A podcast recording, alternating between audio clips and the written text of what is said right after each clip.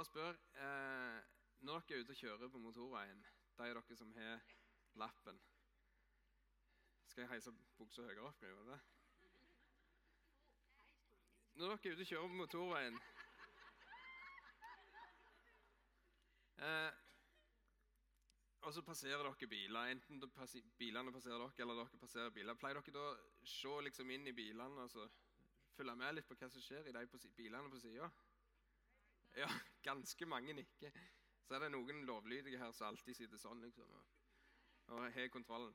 Jeg må bare si at uh, nå når vi snakker om lovsangsteam, så i går kveld rett, rett, før midnatt så kjørte jeg på motorveien og passerte en bil på motorveien. Ser inn i bilen, og der er en av de som er med og leder lovsang her på IMI. Var med i dag tidlig, eh, eller på formiddagsgudstjenesten. Og jeg tar henne på fersken i å være alene i bilen og lovsynge for full hals i bilen. så det er bare sånn Yes! Det er bra å se. Da vet vi at det er autentisk, det som skjer på scenen. sant? Det er bra. Har dere det bra? Flott. Jeg òg har det bra. Da skal vi snakke om ordet, som sagt. Jeg har lyst til å, som dere ser, bare kalle det noe så kleint som 'ordet er ditt'. For ordet er faktisk ditt. Eh, og det skal vi snakke litt om. Eh, vi vil slå noen slag for Guds ord i Jimmy nå. Eh, Jesu ord er i stor grad det er faktisk som hele den vestlige verden bygger sitt lovsystem på. Og det er samtidig også det som vi bygger vår tro på. Roman 10, 17 sier at troen kommer av det budskapet som en hører, og budskapet kommer av Kristi ord. Så viktig er Kristi ord. Vårt største privilegium sa Martin tidligere i dag, vårt største privilegium som menneske er at vi har tilgang til Guds ord. Så det er bra. Ordet er ditt. Men i århundret, og kanskje mesteparten av tida etter at Jesus var her på jorda, så har ikke Guds ord vært tilgjengelig for oss. Det har vært forbeholdt noen helt få. Og det er skam. Lenge fikk du Bibelen bare på latin. I middelalderen kosta en bibel Er det noen som vet? I middelalderen kosta en bibel ca. en årslønn. Uh, helt fram til trykkekunsten kom. Det første Johan Gutenberg trykte, det var en bibel. Og The Guardian Jeg har hørt om den avisa som heter The Guardian. I begynnelsen av dette året så trykte de en artikkel i Nettavisa hvor de skriver at uh, mens uh, den britiske listetoppen over bøker handler om romantikk og kokebøker, så i Norge så er det Bibelen, 2011-utgaven, det er bestselgeren i Norge. ikke det kult?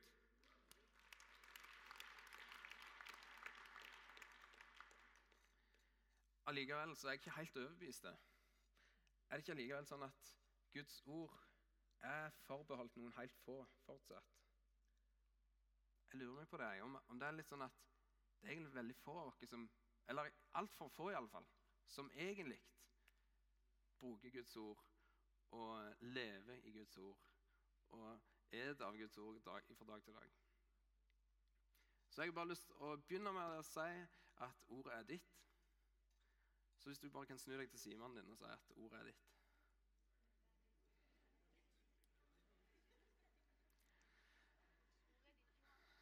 Ordet mitt. Takk. Så vårt mål i denne perioden hvor vi fokuserer på Guds ord her i IMI, er å gjøre deg sulten på Guds ord. Sulten på Guds ord. La deg få lov å få eierskap til din egen bibel, hvis du har en og få skikkelig lyst å begynne å lese ordet, leve i ordet. Og Det gleder vi oss til.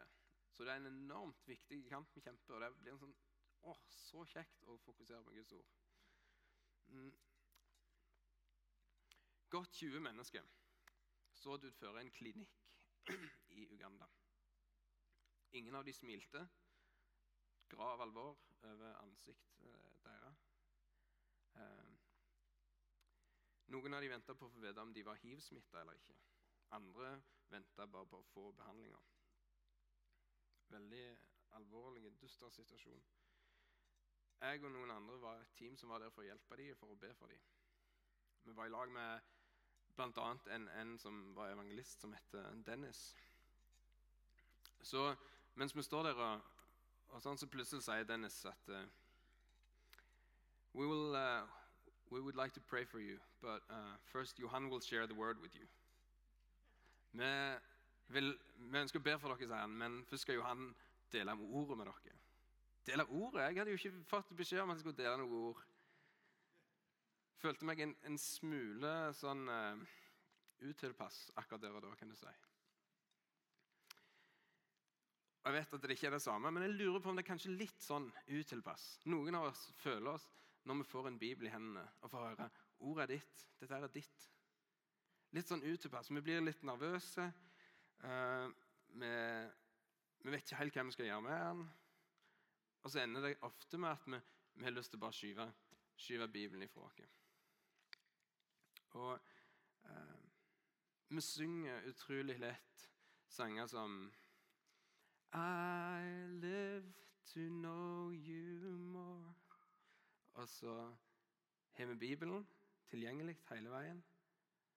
Men så er det så vanskelig å, å bruke denne Bibelen der hvor vi kan kjenne Jesus mer.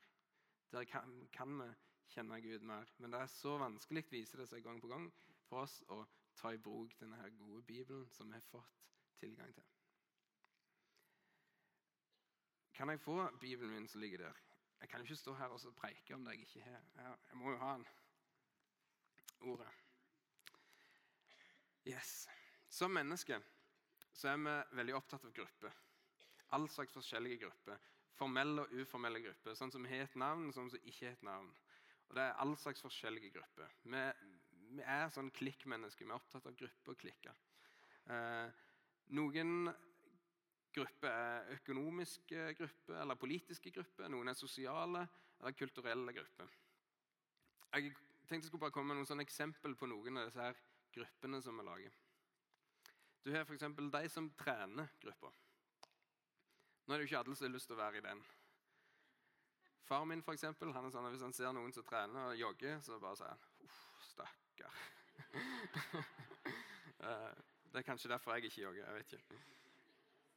Så er det en annen gruppe som kalles de som kan kjøpe alt de vil ha-gruppa. Har du sett den gruppa? De som har lykkelige ekteskap-gruppa. De som alltid får gode karakterer i har en annen gruppe som De som alltid sitter helt framme på IMI-gruppa. Er det en vi kan kalle for det? De som leser Bibelen-gruppa. Er det en gruppe som heter det? Det interessante er at Nesten alltid når vi snakker om sånne grupper, når vi tenker på sånne grupper, så definerer vi oss sjøl på utsida av de gruppene. Mesteparten av oss for det meste av tida føler oss på utsida av ei gruppe. Vi føler oss som outsiders og noen som ikke hører til. Og, og det er kanskje litt av grunnen til at mange av oss føler oss så ensomme, iallfall i Norge generelt. Andre ser ut til å være veldig selvsikre og ha hele kontrollen. De har vært i klubben lenge. De vet akkurat hva de skal gjøre. Og Så ser du inn på dem og så tenker du at hadde bare vært sånn som deg. de, de, får det til. De er i, i gjengen. Og så lurer vi ofte oss sjøl med det. Med å tenke at vi er utføre den og den gruppa. Gud vil ikke at du skal være utføre de som leser Bibelen-gruppa. Ordet er ditt. Eh, jeg har lyst til å bare dele med dere litt av den historien som jeg har fått med meg om hvordan Bibelen kom til Norge, og ifra hvordan vi fikk tilgang til Bibelen. Og da har jeg lyst til å bare ta dere med på en helt kort tur innom noe av det som skjedde rundt 1400-tallet. Går det greit med litt historie? Ja, så bra. Kirka på denne tida var ikke sånn som kirka er i dag. Kirka var et maktsenter uten like. Kirka hadde fått enorme makt og hadde blitt enormt innflytelsesrik og utøvde makt på mange måter som ikke var sunt i det hele. Kirka kontrollerte folks tro og, og holdt mye av det gode som Gud har for folk, vekke ifra mennesket. Enormt tragisk hvordan det var. Prestene kunne gjøre sånn som dette. De kunne kontrollere folks tro, for det var kun Bibelen tilgjengelig på latin. Og Presteskapet var livredde for å, at Bibelen skulle bli tilgjengelig på allemannsspråk. eh. For at, eh, da kunne de miste makta si, da ville de bli avslørt som bedragere. De sa f.eks. ting som at Kom og kjøp et avlatsbrev. Så skal, du, så skal, du, slippe å ha så mye tid i skjærsilden når du er død. Så blir du pint litt mindre etter du er død. Sånne ting som det sa de, og mange andre fæle ting som, som de kontrollerte folks tro med. Midt i denne perioden her, så står det fram noen enormt spennende personer. En av de, Den første som jeg bare har lyst til å nevne, er John Wycliffe. Har dere hørt om han? Ja, mange har hørt om han. Uh, han var en teologistudent ved Oxford. Han var en gudsmann som brant for Jesus. Han var en motstander av denne enorme makten som kirka hadde. Og Rett før 1400-tallet, ca. rundt på 1380-tallet, så begynte han å skrive noen bibler for hånd på engelsk. Det er kult. Og Han hadde folk med seg, og de skrev i lag. Og de begynte å produsere bibler på engelsk. Skrive for hånd. Eh, han, han var så hata av den etablerte kirka at eh, paven 44 år etter at Wycliffe var død, så befalte paven at de skulle grave opp alle beina hans. De skulle knuse dem og brenne dem og strø dem ut på ei elv. Jeg vet ikke om det er kult, eller hva det er. men det er... En av tilhengerne til Wycliffe heter Jan Hus. Og Jan Hus han eh, var også en som sto tydelig fram og sa at folk har rett til å ha sin egen oversettelse av Bibelen, altså oversettelse av Bibelen på sitt eget språk. Og eh, han sto og var kjempefrimodig på dette. I 1415, år 1415 så ble Jan Hus brent på bålet. Hva tror du de brukte til å fyre opp bålet med? Ja, Det var de engelske bibeloversettelsene. Det er altså veldig interessant her. Det siste han der, Jan Hus ropte når han eh, ble brent på bålet, før han døde, siste ordet hans, det var Om 100 år så kommer Gud til å reise opp en ny mann og hans rop om reformer lar seg ikke stanse. Det er kult. 100 år etterpå reiser Gud opp en mann som heter Martin Luther. Og I 1517 så slår Martin Luther opp de 95 berømte tesene på kirkedøra i Wittenberg. Martin Luther var den første som sørga for å få en bibel trykt på tysk. Og I samme år, 1517, så skal sju mennesker ha blitt brent på bålet fordi de lærte ungene sine å be Fader vår på engelsk og ikke på latin. ikke det crazy? Som du forstår, så er det betalt skyhøye priser for at du og meg skal få lov å ha Bibelen på vårt eget språk. For at du og meg skal sitte og ha vår egen bibel. Om man er nedstøva i bokhylla eller på nattbordet, så er det betalt en skyhøy pris for at vi skal ha den. Og så er det en enda dyrere regning enn det. Det er en, en enda høyere pris. Og Det er prisen som Jesus betalte for at du og meg skulle få lov å ha tilgang til han. Det er ordet som ble menneske. En Gud som ble en tjener. Ordet som flytta inn i nabolaget, som det står. Tar du tilbake igjen, Aleksander? I Johannes 1, 14 Vi slår opp det. Har dere bibler med dere, så slå gjerne opp.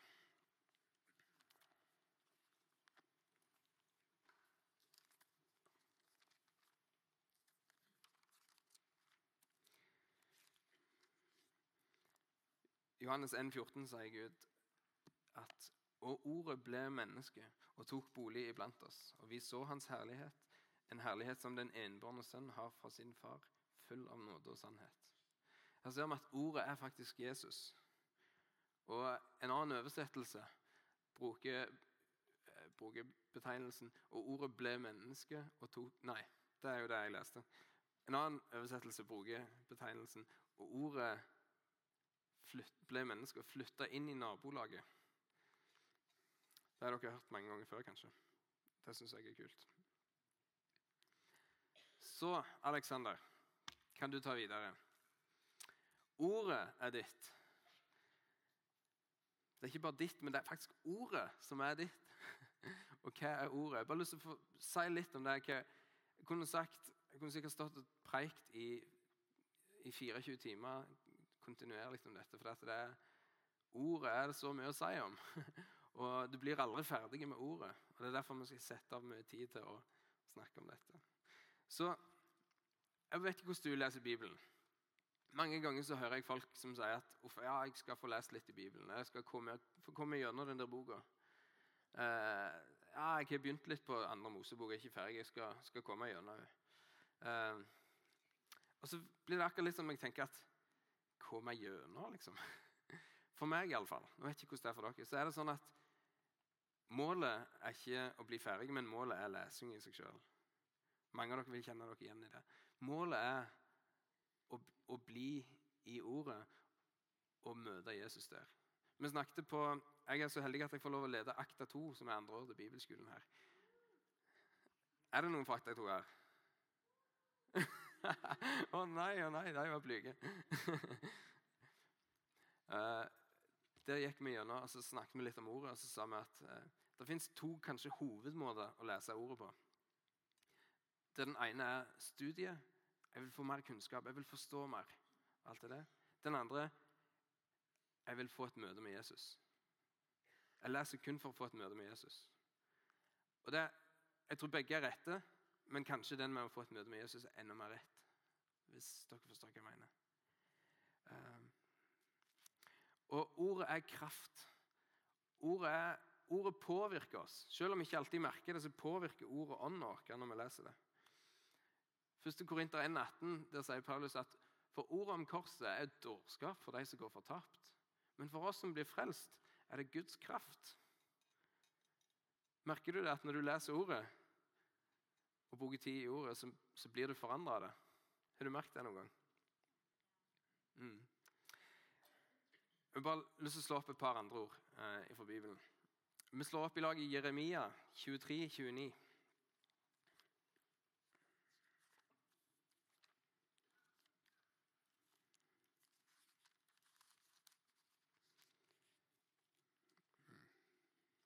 Har dere det? Jeremia 23, 29. Mitt ord er ikke det som en ild, lik en slegge som knuser fjell, sier Herren. Har du tenkt på Guds ord på den måten før?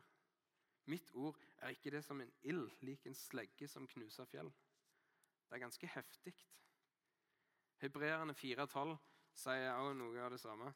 Uh, Hebreerne 4,12. For Guds ord er levende og virkekraftig og skarpere enn noe tveegget sverd. Det trenger gjennom til det kløver sjel og ånd, marg og bein, og dømmer hjertets tanker og planer. Ska levende og virkekraftig. En annen ting som ordet er, en grunnvoll i ditt og mitt liv. Jesus sier i bergpreika at uh, hver den som hører disse mine ord og gjør etter dem. Han er lik en klok mann som bygde huset sitt på fjell. Og så vet vi videre at Han snakker om at det blåste og storma, og regnet skylte mot huset, men det sto stødig. Kan jeg få hjelp av, eh, en, kan jeg få litt hjelp av deg, Eirik?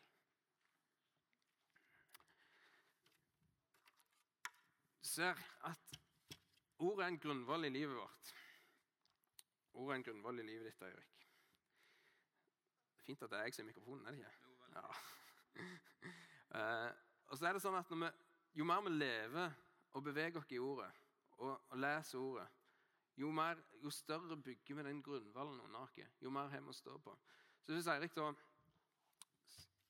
uh, nettopp er blitt en kristen nå, og liksom har så vidt har fått med seg noen ting av ordet, og egentlig aldri leser noe særlig i ordet, kanskje, eller kan ingenting, alt det der, så kan, stå, så kan du stå og lufte hendene litt.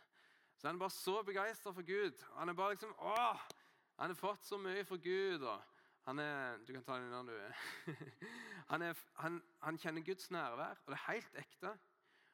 Og han, sant, Det er sant, dette her? sant? Ja. Og han eh, får profetiske ord både fra andre folk, og han gir profetiske ord til folk. og Han lever skikkelig der. Men, men grunnvollen i livet hans, som han står på med livet sitt, er så liten. For han, han har ikke lest så mye ord, han kan ikke så mye ord, han, han lever ikke i ordet. Så hvis da plutselig at det kommer en vind og regnet skyller og, og Så ser vi hva som skjer. Så ser vi hva som skjer. Nå skulle jeg ha et annet poeng her. Nå skal du få lov skal du få lov å stå på den grunnvollen her. Vet ikke om dere ser den som han står på nå. Vi har fått en litt finere, nyere scene. sånn klump herrene framme.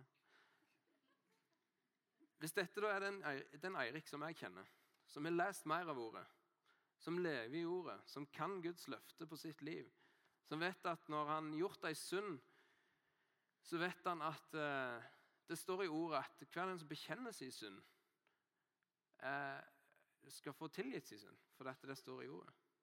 Og Så vet han òg at eh, Gud er trofast, for han kan ikke fornekte seg sjøl. For dette, dette han leste, dette lever han i. Så det, Hvis jeg prøver å skutte han her nå, så står han bom fast fordi han har en god plattform å stå på. Det er ikke lenger. Takk skal du ha, Eirik.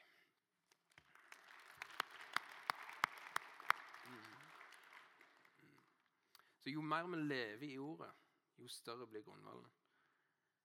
Mm. Ordet er så mange ting. Ordet er trøst, ordet er oppmuntring, ordet er glede. Ordet er rettledning. Ordet er profetisk og helbredende. Jeg har glemt hvor det står det verset som du siterte tidligere i dag, Martin. Men det står at den som finner ordet, for han er det liv og en helsebot for kroppen. Tenk at ordet faktisk er helbredelse. Det fins mennesker som har bare talt et, et ord fra Bibelen inn i en situasjon, og så er mennesket blitt helbredet. Ordet er håp, ordet er liv, tro og kjærlighet. Ordet er en klippe som vi kan stå på. Ordet er Jesus. Ordet er Guds nærvær. Og Derfor så, så, legger jeg på en måte hele hjertet mitt ned i dette som jeg sier til dere.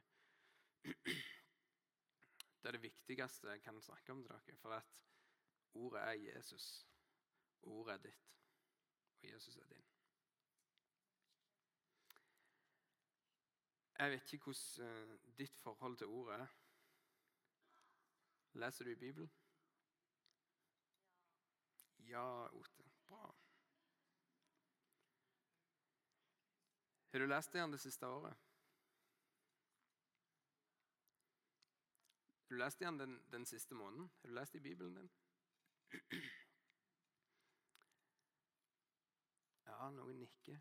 Har du lest igjen den siste uka? Ja. Er det noen som har lest igjen i dag? Ja. Er det noen som har lest igjen mange ganger i dag?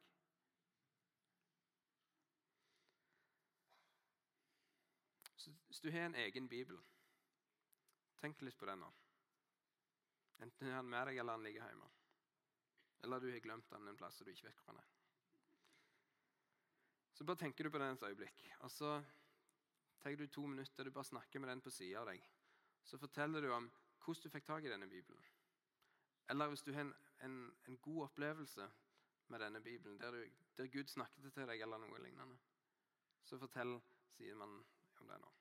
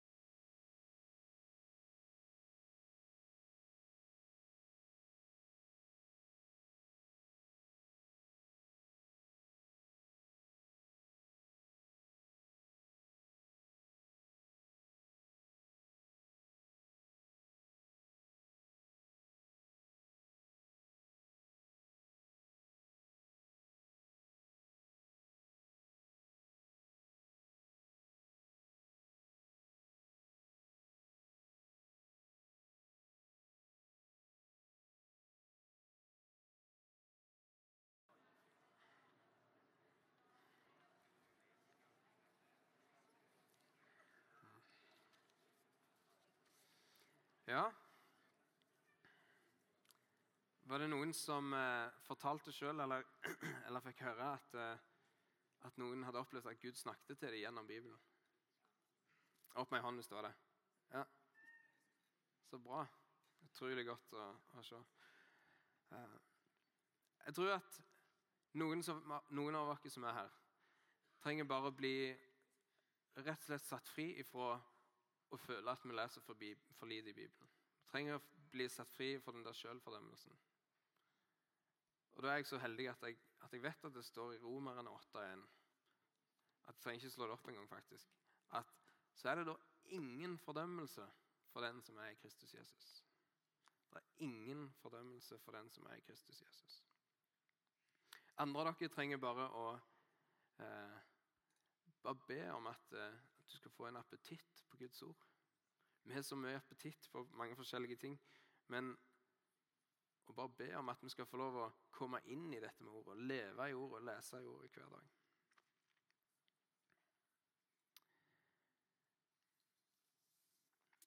Kan dere komme opp? Forrige uke hadde vi en samling med noen av lederne i denne menigheten.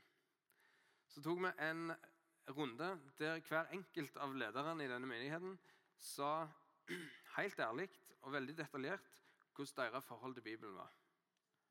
Så, så jeg tenkte så bare, Tenk hvis det er noen som bare sier at de aldri leser Bibelen. Det hadde vært flaut. Hæ?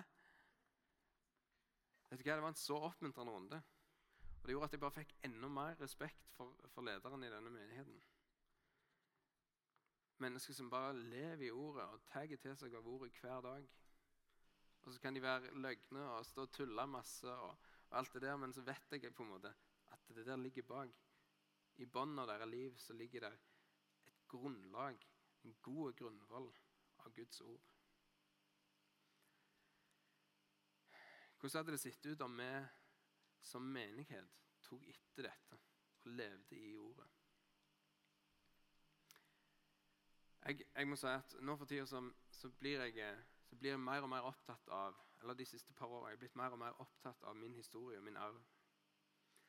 Og Det kan sies mye om det, men en, en av de tingene som jeg husker fra jeg var liten, var at far min han gikk alltid på jobb før vi andre skulle på skolen. og sånt.